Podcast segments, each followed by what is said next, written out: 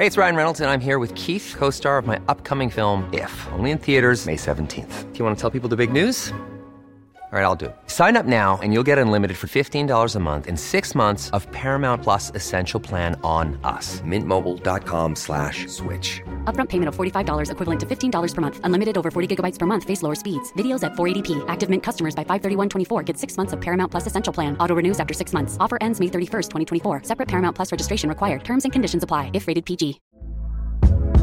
Hey there, it's Michelle Norris. I'm host of a podcast called Your Mama's Kitchen. When I travel, I'm usually looking for a way to find a taste of home when I'm not at home. And one of the things I love to do when I am at home is entertain. And Airbnb allows me to do that. When I was in California recently, I rented a house that had a great kitchen. And when we were sitting around the table, we're all thinking, we're in someone else's house. Someone could be in all of our homes as well. If you have a home, but you're not always at home, you have an Airbnb. Your home might be worth more than you think. Find out how much at airbnb.com/slash host. I'm Sandra, and I'm just the professional your small business was looking for. But you didn't hire me because you didn't use LinkedIn jobs. LinkedIn has professionals you can't find anywhere else, including those who aren't actively looking for a new job but might be open to the perfect role, like me. In a given month, over 70% of LinkedIn users don't visit other leading job sites. So if you're not looking on LinkedIn, you'll miss out on great candidates like Sandra. Start hiring professionals like a professional. Post your free job on linkedin.com/people today.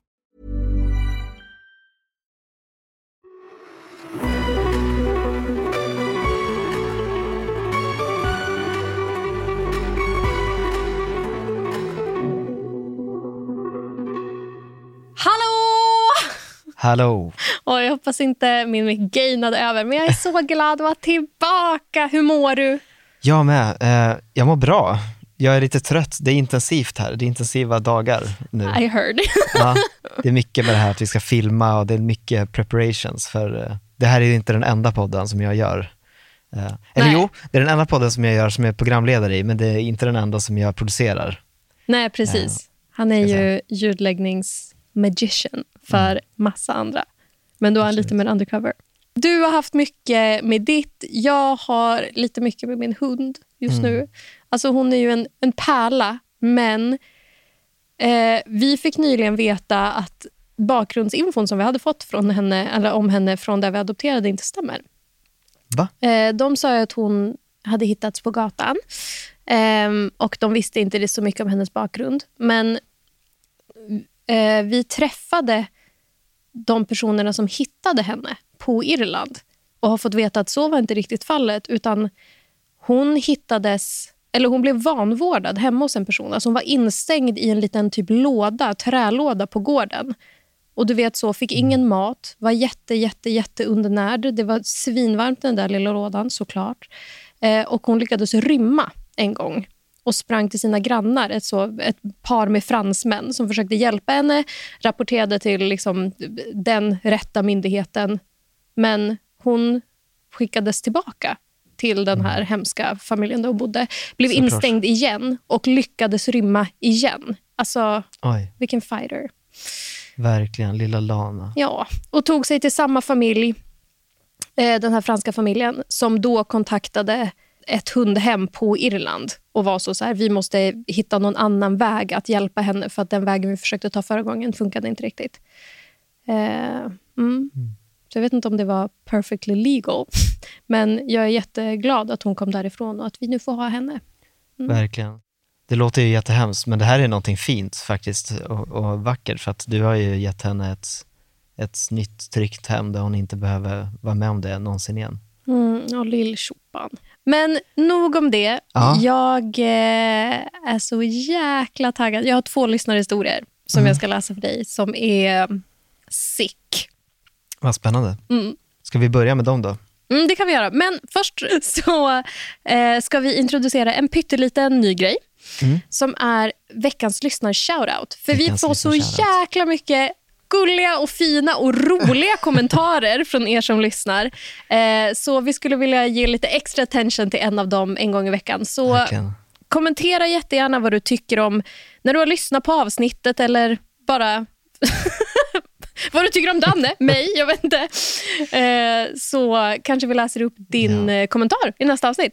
Veckans lyssnare är Alessio, eller Alex tror jag du heter faktiskt i verkligheten, om jag förstår det här rätt. Han lyssnar varje tisdag i lastbilen. Bästa! Eh, Så han skrev till oss idag, vi är lite sena för att jag håller på och klipper i video och det är nytt och så. Ja, du lär dig Ja. jättemycket nytt. För det här Ja. med filma, det är ingenting, alltså vi är ljudnördar, vi kan inte det här mediet. Så att han håller Mm. på att liksom lär sig det här nu. Men eh, jag förstår verkligen om du lyssnar varje tisdag i lastbilen att det blir eh, jättekonstigt för dig om det inte kommer ett avsnitt den tisdagen. Vad ska du då lyssna på? Liksom? Ingenting. Någon jävla skitpodd. så kan vi inte ha det. Nej, verkligen Eh. inte. Skandal.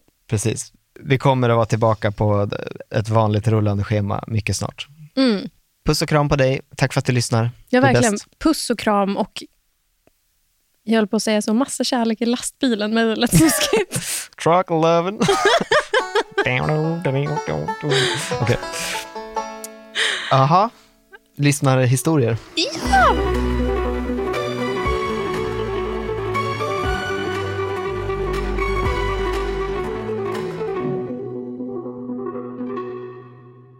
Hej oförklarliga fenomen.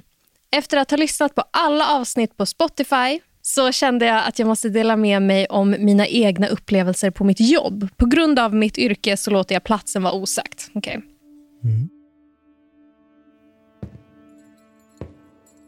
Jag jobbar som nattvakt i en väldigt känd byggnad i Stockholm och brukar oftast gå på mina ronder i totalt mörker medan jag lyssnar på er samt andra poddar som riktar in sig på just övernaturligt monster med mera. Är du någon slags adrenaline junkie? Supernatural adrenaline junkie. När jag började här, alltså på hans jobb, direkt efter min utbildning så var jag supertaggad att påbörja min nya karriär. Men så kände jag snabbt ett speciellt obehag Åh! på vissa platser i byggnaden. Men slog bort det just för att jag var ny och ovan och tänkte att det hade med saken att göra. Efter några veckor av obehagskänslan så började det sakta eskalera. Jag kände inte längre obehag på speciella platser utan den var med mig hela tiden. Det kändes verkligen som att någon eller något förföljde mig och övervakade vartenda steg jag tog. Jag tittade ofta bakom mig över axeln för att se om någon var där. Men självklart så såg jag ingen. Mer tid gick och mer saker började hända. Man kunde höra under ronden hur elektriska handtorkare inne på toaletter slogs på när man gick förbi utanför. Och man har kunnat höra barnskratt på våning ett. Men det finns ingen annan i byggnaden än jag. Jag började även se genom kameraövervakningen hur hissar åkte från olika våningar och deras dörrar öppnades och stängdes. Men jag är fortfarande ensam i byggnaden. Jag försöker hela tiden leta efter logiska förklaringar. Handtorkar och hissar går på el och allting som är elektroniskt fungerar inte alltid som man önskar. Jag kan dock inte förklara skratten eller min känsla av att vara övervakad. Men jag pushar på genom jobbet, månad in, månad ut och tänker att det kan inte bli värre än så här. Jag skulle inte ha tänkt så. Återigen gick jag på mina ronder som jag gör varje natt vilket ledde mig igenom ett rum jag har gått igenom minst hundra gånger förut. Och Det här rummet är ett av de rum jag har haft en extra stark känsla av att jag inte är välkommen i. Vad som än befinner sig i det rummet, demoniskt eller andligt, den slash det vill inte ha mig där. Men jag måste utföra mitt arbete så jag börjar gå igenom rummet och känner hur tung luften är där. Det känns som att jag knappt kan andas. Väl framme på andra sidan så ska jag gå upp för en gallertrappa och när jag väl har gått upp ett par steg så känner jag hur någon rycker tag i mig och sliter mig i kläderna och drar mig ner för trappan igen. Jag lyckades få kontroll över min balans så jag ramlar inte bakåt. Jag känner mig både chockad och rädd vid det här laget så jag agerar på instinkt och springer upp för trappan igen. Tar ett stadigt grepp om handtaget på dörren, blippar in mitt kort, slår in koden och öppnar sedan dörren och stänger den efter mig så snabbt jag kan. Jag stannar till ett par minuter och hämtar andan och försöker lugna ner mig innan jag fortsätter min rond. Fortsätter min rond! Alltså din Varför arbetsmoral, jobbar du Jackie, kvar på det här är... stället? jag förstår inte. Jag börjar känna hur det svider på min bröstkorg samt min arm. Och Jag tittar ner för att se varför och kan då se att jag har rivmärken på både arm och bröstkorg. Några av er kanske skulle ha sagt upp er eller i alla fall bytt ställe att jobba på. Ja. Men här är jag fem år senare och jobbar fortfarande kvar och lyssnar fortfarande på skräckpoddar när jag går mina ronder. Ah! Jag har fått mycket råd och tips från mediala personer i min omgivning om hur jag kan stänga sådana energier ute. Och Det har hjälpt mig massor och saker har faktiskt lugnat ner sig. Tack till er på podden för att ni ville lyssna och möjligen dela detta med alla lyssnare. Mvh Anonym. Tusen tack för din eh, historia. Gud, eh, Åh jävlar sagt, alltså. jag fattar inte varför du jobbar där, men eh, good for you man. Eh, Alltså, hör gärna av dig är- med eh, så, tips på, om du har konkreta tips som du har fått på hur man stänger ute sådana energier, så Mm. vill jag jättegärna höra mer om det. Jättegärna skriv till oss och bara i allmänhet om ni som lyssnar vill ha ett avsnitt om hur man gör det så kan ju vi bjuda in någon och fråga. Mm. Det är klart vi ska bjuda, ha ett avsnitt med ett medium. Det är jätteintressant. Visst. Damn boy, det där var uh, sick. Alltså, Ja. You're a brave man. på ett sätt.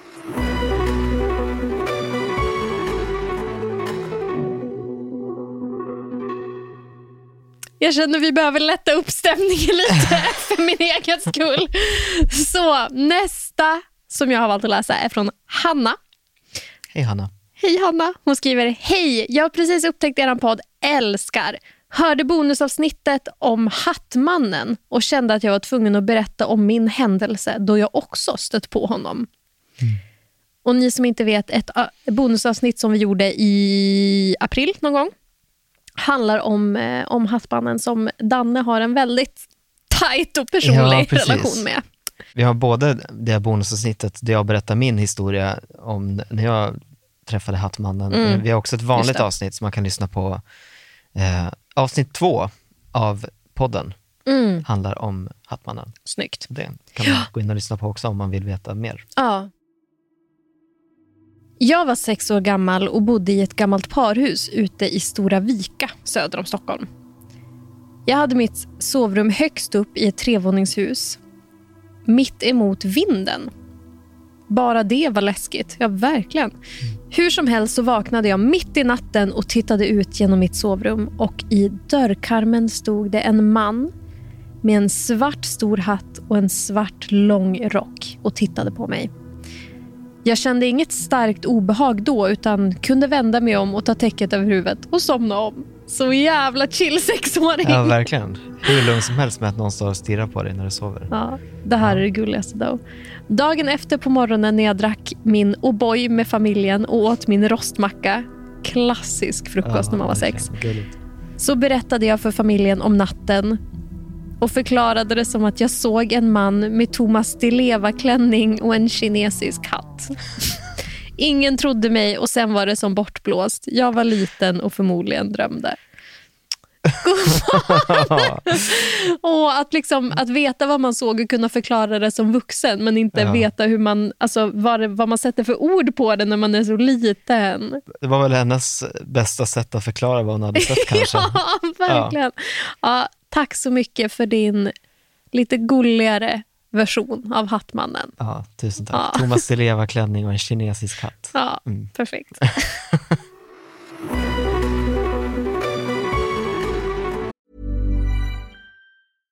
Ready to pop the question? The jewelers at BlueNile.com have got sparkle down to a science with beautiful lab grown diamonds worthy of your most brilliant moments. Their lab grown diamonds are independently graded and guaranteed identical to natural diamonds, and they're ready to ship to your door. Go to BlueNile.com and use promo code LISTEN to get $50 off your purchase of $500 or more. That's code LISTEN at BlueNile.com for $50 off. BlueNile.com code LISTEN. Hey, it's Ryan Reynolds, and I'm here with Keith, co star of my upcoming film, If, only in theaters, May 17th. Do you want to tell people the big news?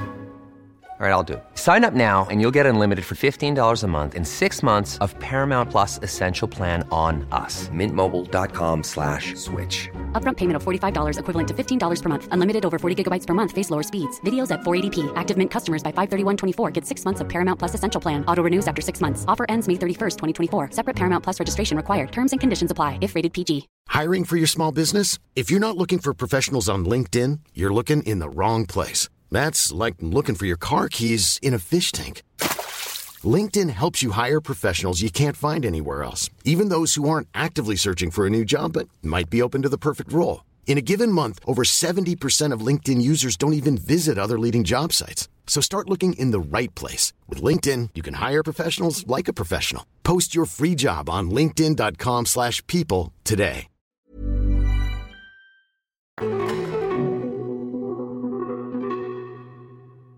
Det är creepypasta-dags. Jag har gjort en djupdykning igen. Och Älskar eh, när du dyker. hittat en av de bättre som jag har läst. Mm. Eh, Uff, det här passar också. Alltså för att Danne är väldigt, liksom, han gillar creepypasta och du kan mycket om creepypasta och har läst mycket. Vilket jag tycker är otroligt, för det är inte det jag snör in mig på mest. Jag snör ofta in mig på, du vet, att prata med personer face to face eller liksom i kommentarer eller DM som så här, vad har just du varit med om? Ja. Eh, så att, eh, det var skitkul att det blev den här uppdelningen. ja, verkligen. Not planned. Den här creepypastan är skriven av Peter Frost David och den heter Om du är beväpnad och vid Glenmont tunnelbanestation, snälla skjut mig. Okej.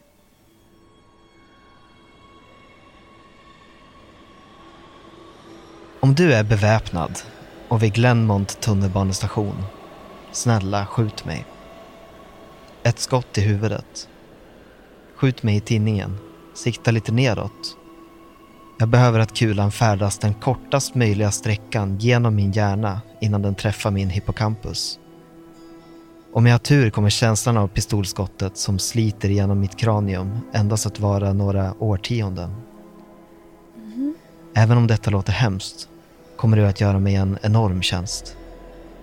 Att dö av ett skott i huvudet så snart som möjligt är mycket bättre än alternativet. Mitt lidande började för över 10 000 år sedan, klockan 10.15 i morse. Jag tjänar extra pengar genom att delta i läkemedelsprövningar. Jag är en så kallad frisk försöksperson som tar experimentella läkemedel för att hjälpa till att bedöma biverkningar. En gång var det ett njurläkemedel. Några gånger har det varit för blodtryck eller kolesterol. I morse sa de att det läkemedel jag tog var ett psykoaktivt ämne avsett att påskynda hjärnfunktionen. Inget av de läkemedel jag tidigare testat har någonsin påverkat mig i den rekreationella bemärkelsen. Med andra ord, inget av de läkemedel jag har testat har gett mig en kraftig rusning eller lugnat ner mig eller något sånt. Kanske har jag alltid hamnat i placebogruppen. Men inget jag har testat har påverkat mig alls faktiskt. Dagens drog var annorlunda. Den fungerade. De gav mig en tablett klockan kvart över tio och sa att jag skulle hänga kvar i väntrummet tills de kallade på mig för några tester. Det tar bara omkring 30 minuter, sa forskningsassistenten till mig. Jag la mig slött på väntrummets soffa och läste några artiklar från en kopia av Psychology Today som låg på soffbordet.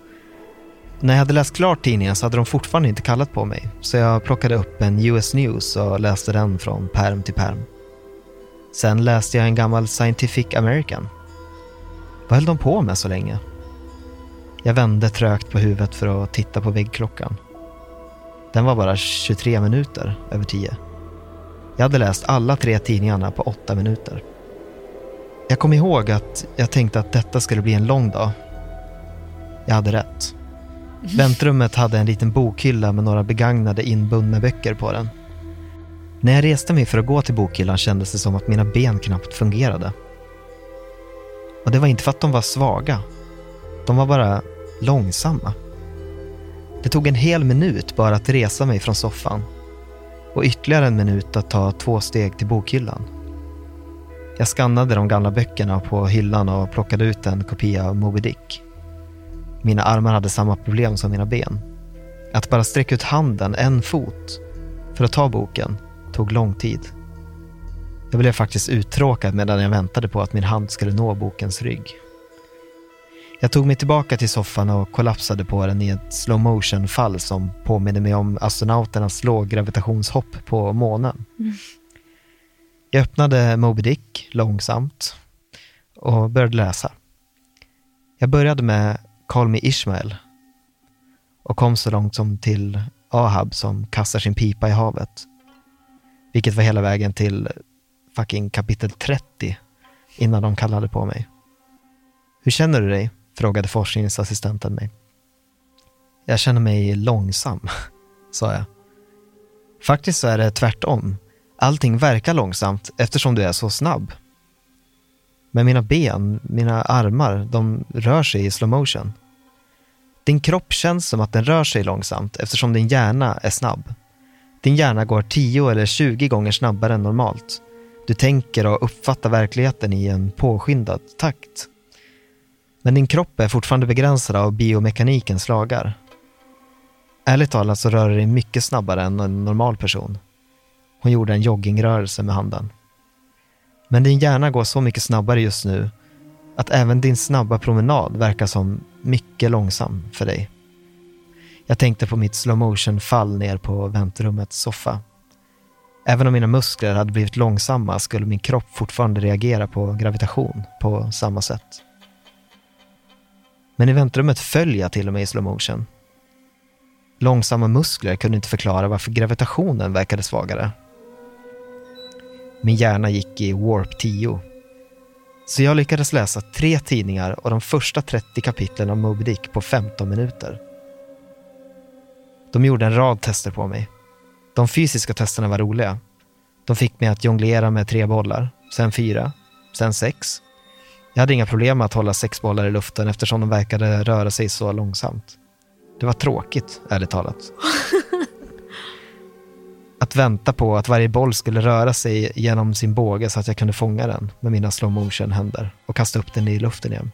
De kastade Cheerios i luften och jag fångade dem med pinnar.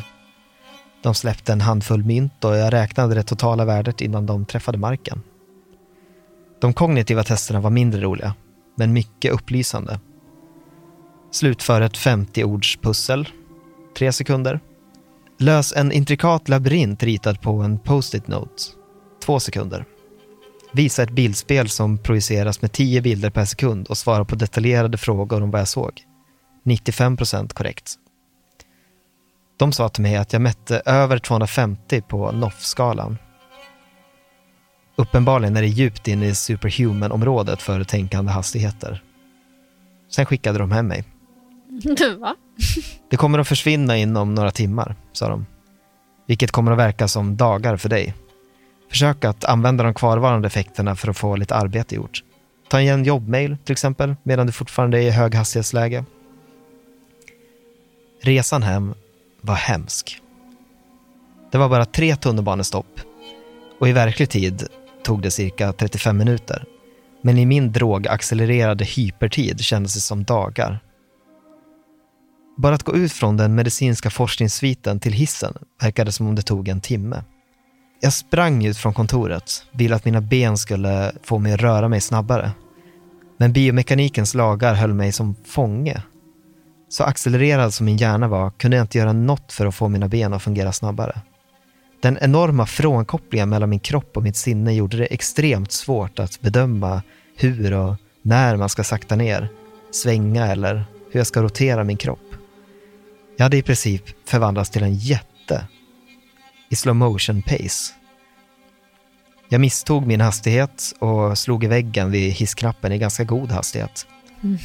Även om jag kunde se väggen komma emot mig kunde jag inte få mitt finger utsträckt för att träffa hissknappen att röra sig tillräckligt snabbt och slog det mot väggen. Hårt. Smärtan var intensiv. Om min hjärna hade gått i normal hastighet skulle det förmodligen bara ha gjort ont i 30 sekunder eller så. Men i mitt accelererade tillstånd verkade den intensiva smärtan vara i en halvtimme. 45 minuter kanske. Hissresan var hemsk. Det kändes som att jag tillbringade fyra eller fem dagar bara genom att åka sju våningar. Men det är som att det blir värre och värre. Alltså som att saker tar längre och längre tid. Jag hade inget att titta på annat än insidan av hissburen. Jag sprang till tunnelbanestationen. Jag måste erkänna att denna del var nästan rolig. Även om min kropp rörde sig vid vad som verkade för mig superslow hastighet kunde jag fortfarande noggrant välja hur och var man ska placera fötterna, svinga armarna och vrida bålen. Det tog bara ett kvarter eller två att vänja sig vid att ha en hjärna som rörde sig två dussin gånger snabbare än min kropp. Då sprintade jag i princip hela vägen. Vred på mig och undvek människor på trottoaren, duckade för bilar med bara sekunder. Jag tillbringade en timme, i min tidsram, på väg ner i tunnelbanan och till plattformen. Oändlig leda var det att vänta de sex minuterna på den röda linjen. Även om det fanns mer att titta på i tunnelbanan än i hissen var det fortfarande intensivt tråkigt. Jag borde ha stulit den där kopian av Moby Dick. Det röda linjetåget bröt in i stationen i slow motion. Den normalt höga tonen av dess bromsar var frekvensskiftad i mitt snabba sinne till en lång, låg ton, som ett monotont tubasolo. Det var inte bara det skrikande tunnelbanetåget som var tre oktaver lägre än normalt. Allt ljud saktade ner till nästan ohörbarhet. Röster var borta, skiftade under frekvensgränsen för min hörsel. Jag lyckades höra ett skrikande barn på min tunnelbanevagn. Hennes skrik var så långsamt att det lät som valsånger. Skarpa ljud som bilhorn och lastbilar som studsar över gropar var låga vrål som avlägsen åska. När jag var på forskningskontoret kunde jag fortfarande höra och kommunicera med forskningspersonalen. Men från och med nu skulle muntlig kommunikation med någon vara omöjlig. Effekterna av drogen intensifierades fortfarande. Jag tillbringade vad som kändes som dagar på den förbannade röda tunnelbanelinjen. Dag efter dag. Jag lyssnade på valens sång från det skrikande barnet och tubasolot från bromsarna. Även om vanliga röster hade frekvensförskjutits ur mitt ljudområde verkar dofter inte ha påverkats. Jag blev aldrig immun mot kroppslukt. Stanken från tågets bromsar och en blandning av pruttar och andra lukter som svävade genom tunnelbanevagnen. Det här är mardröm på en nivå. Så kom jag äntligen tillbaka till min lägenhet. Att springa genom min öppna dörr och in i hallen på, i full fart kändes som en långsam avslappnande färd nerför en lugn flod. Jag var lättad över att vara hemma. Åtminstone hade jag saker jag kunde göra där. Jag plockade upp boken jag läste. Hundra år av ensamhet. Och avslutade den. Trots att jag vände sidorna så snabbt att jag slet sönder många av dem kändes det som att det mesta av tiden jag spenderade på att avsluta boken gick åt till att vända sidor och faktiskt inte att läsa. Tre minuter hade passerat sedan jag kom hem. Man, Jag försökte surfa på internet. Herregud vad lång tid det tar för datorer att starta upp nu för tiden. Det var frustrerande långsamt. Timmar kändes det som. Even when we're on a budget, we still deserve nice things. Quince is a place to scoop up stunning high-end goods for 50 to 80% less than similar brands. They have buttery soft cashmere sweaters starting at $50, luxurious Italian leather bags, and so much more. Plus, Quince only works with factories that use safe, ethical, and responsible manufacturing. Get the high-end goods you'll love without the high price tag with Quince.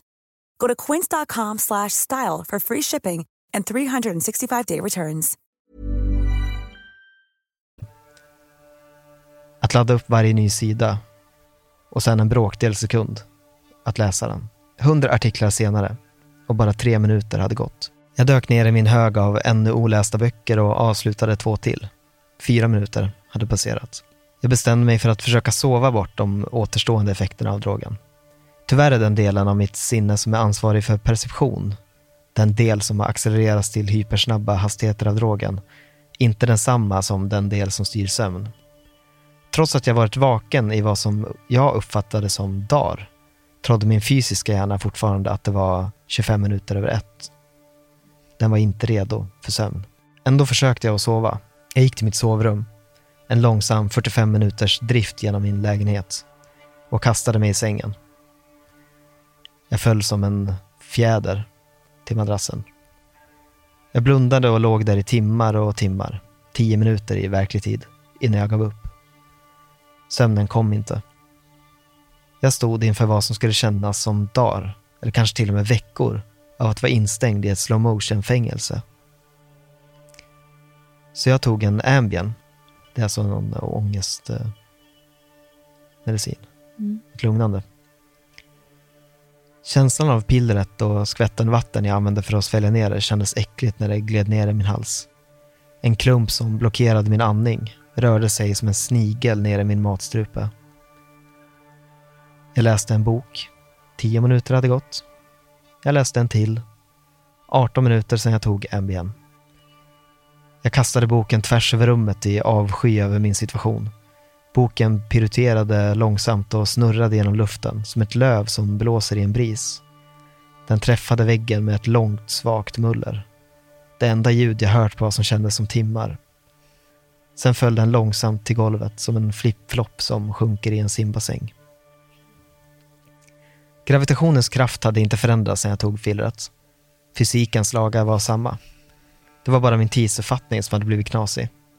Det innebar att jag kunde använda hastigheten saker verkade falla med som ett sätt att bedöma drogens effekter.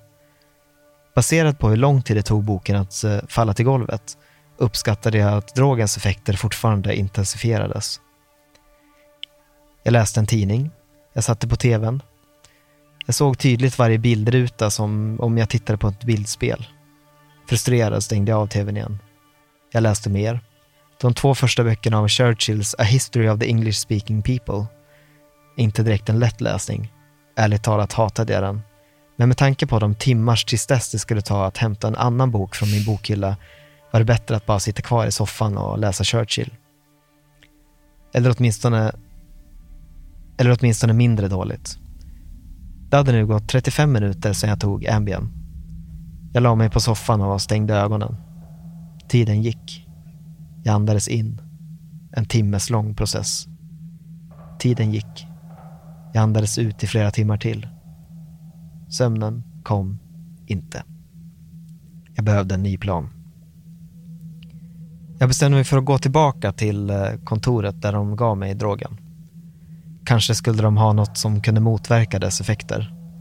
Eller åtminstone något för att slå ut mig tills det hade försvunnit. Jag lämnade min lägenhet så snabbt som möjligt. Det tog timmar i min tidsuppfattning att göra det. Jag brydde mig inte ens om att låsa dörren. Det skulle ha tagit för lång tid.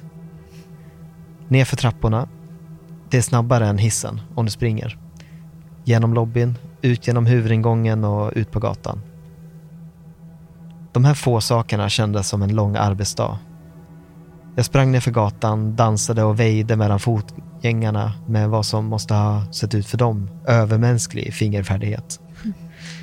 Nerför den första trappan vid tunnelbanan. Över plattformen. En annan timme. Sen vidare till den andra trappan. Då slog Ambien till. Och Ambien gjorde mig inte sömnig. Inte alls. Istället måste den ha haft en allvarlig korsreaktion med den experimentella drogen jag tog på morgonen. Jag studsade ner för den andra trappan, rörde mig i slow motion. Och sen, pang. Allt stannade. Det dämpade sålet från gatan och tunnelbanans ljud upphörde. Ersatt av den mest perfekta tystnad jag någonsin upplevt. Min nedåtriktad rörelse verkar helt frysa till. Innan Ambien satte in var min uppfattning av tid kanske några hundra gånger långsammare än verklig tid. Men nu, efter att det började verka, rörde sig tiden tusentals gånger långsammare. Varje sekund kändes som dagar. Bara att flytta på ögonen för att fokusera på en ny punkt kändes som en omöjligt långsam panorering över mitt synfält. Alltså den här historien ger mig så mycket stress.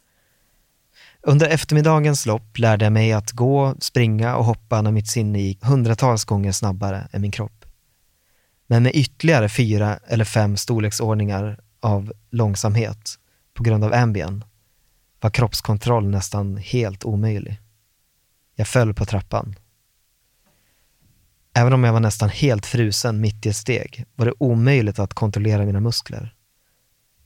Jag kommenderade min fot framåt i timmar och sen bakåt i ännu fler timmar när det verkade som att jag skulle missa nästa steg.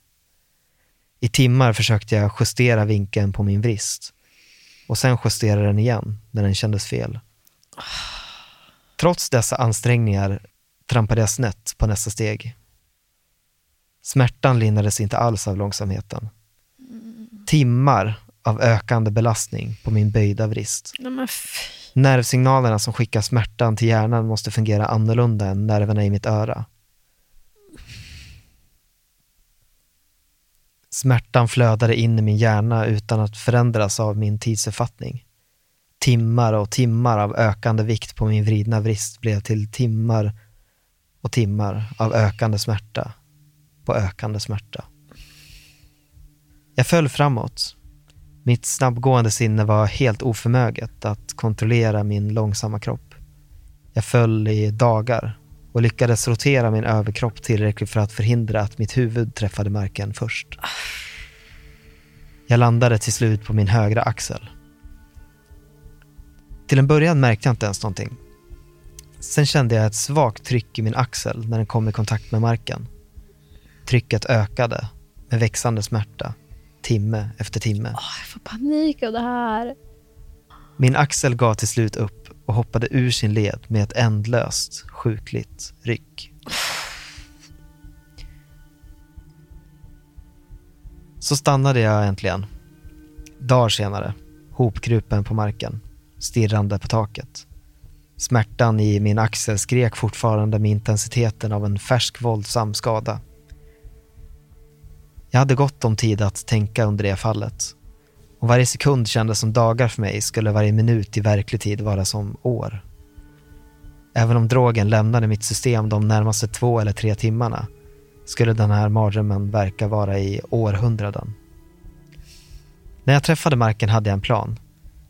Jag skulle på något sätt ta mig till plattformen och kasta mig framför ett tåg. Jag vred mig på mina händer och knän. Dagar av min utslagna axel som skrek efter lindring. Jag missbedömde min rotation och rullade på ryggen. Jag försökte igen.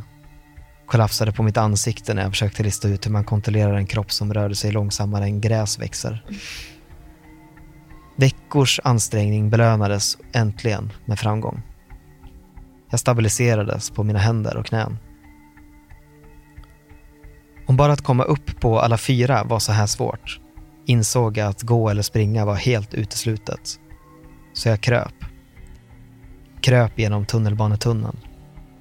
De dumma uttrycken i folks ansikten dröjde sig kvar på mig i veckor. Jag kröp under vändkorsen och upp på rulltrappan. Rulltrappan tömdes på folk i samma takt som en glaciär tömmer is i havet. Jag såg ut över den trångsatta plattformen under min oändligt långa nedåtgående färd. Tågstatusskylten sa att nästa tåg inte skulle anlända på 20 minuter. 20 minuter. Det var som ett år för mig. Jag skulle behöva tillbringa ett år på tunnelbaneplattformen. Väntandes på att dö.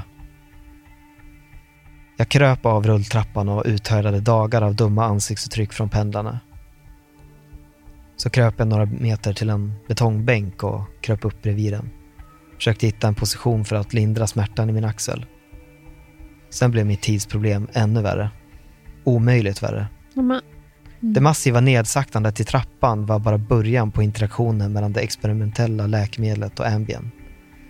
Det drabbade mig fullt ut när jag låg där bredvid bänken. Jag blinkade. År av mörker följde. Ljudet var redan borta. Och med mitt blink var även synen borta. Allt som existerade var smärtan från mitt fall. Mitt hyperaccelererade sinne förlorade ingen tid på att kompensera för bristen på sensorisk input. Röster talade till mig. De sjöng för mig på språk som aldrig existerat. Mönster och ansikten och färger kom och gick i mitt sinnes öga. Jag mindes hela mitt liv och föreställde mig att leva ett annat. Jag glömde engelska. Jag sjönk ner i djup förtvivlan. Jag talade med Gud. Jag blev Gud. Jag föreställde mig ett nytt universum och gav det liv med mina tankar. Sen gjorde jag allt igen. Och igen. Mina ögon öppnades med geologisk långsamhet. Ett svagt sken. Veckor. En ljusspringa. Veckor. En smal vy av tunnelbaneplattformen.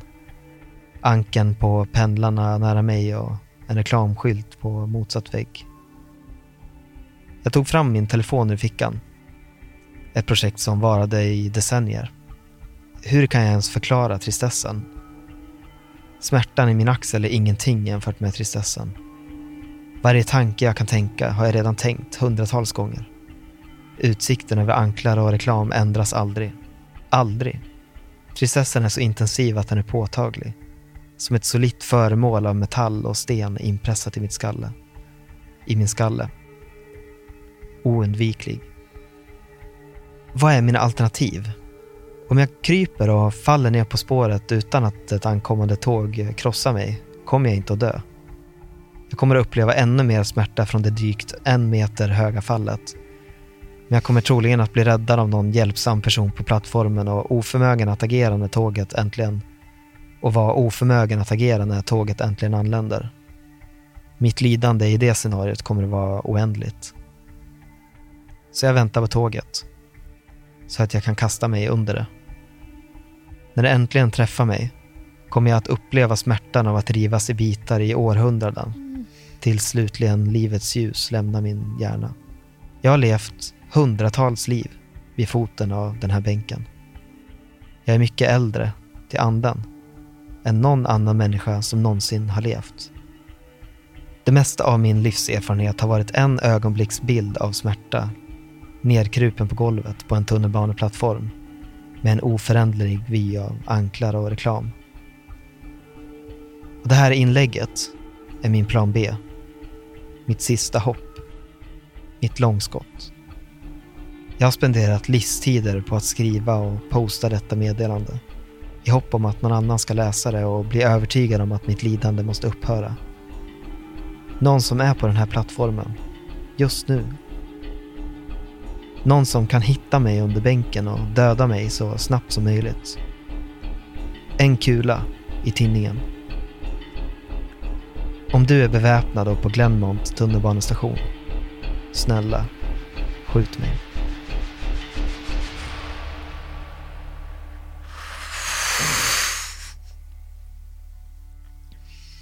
Jag tror filmen Interstellar har fått en konkurrent. Nej, men alltså, så grov klaustrofobisk känsla. Jag, blev, jag märkte att jag blev typ obe, alltså jag började Mm. gäspa när du läste och jag gäspar när jag blir så jätteobekväm.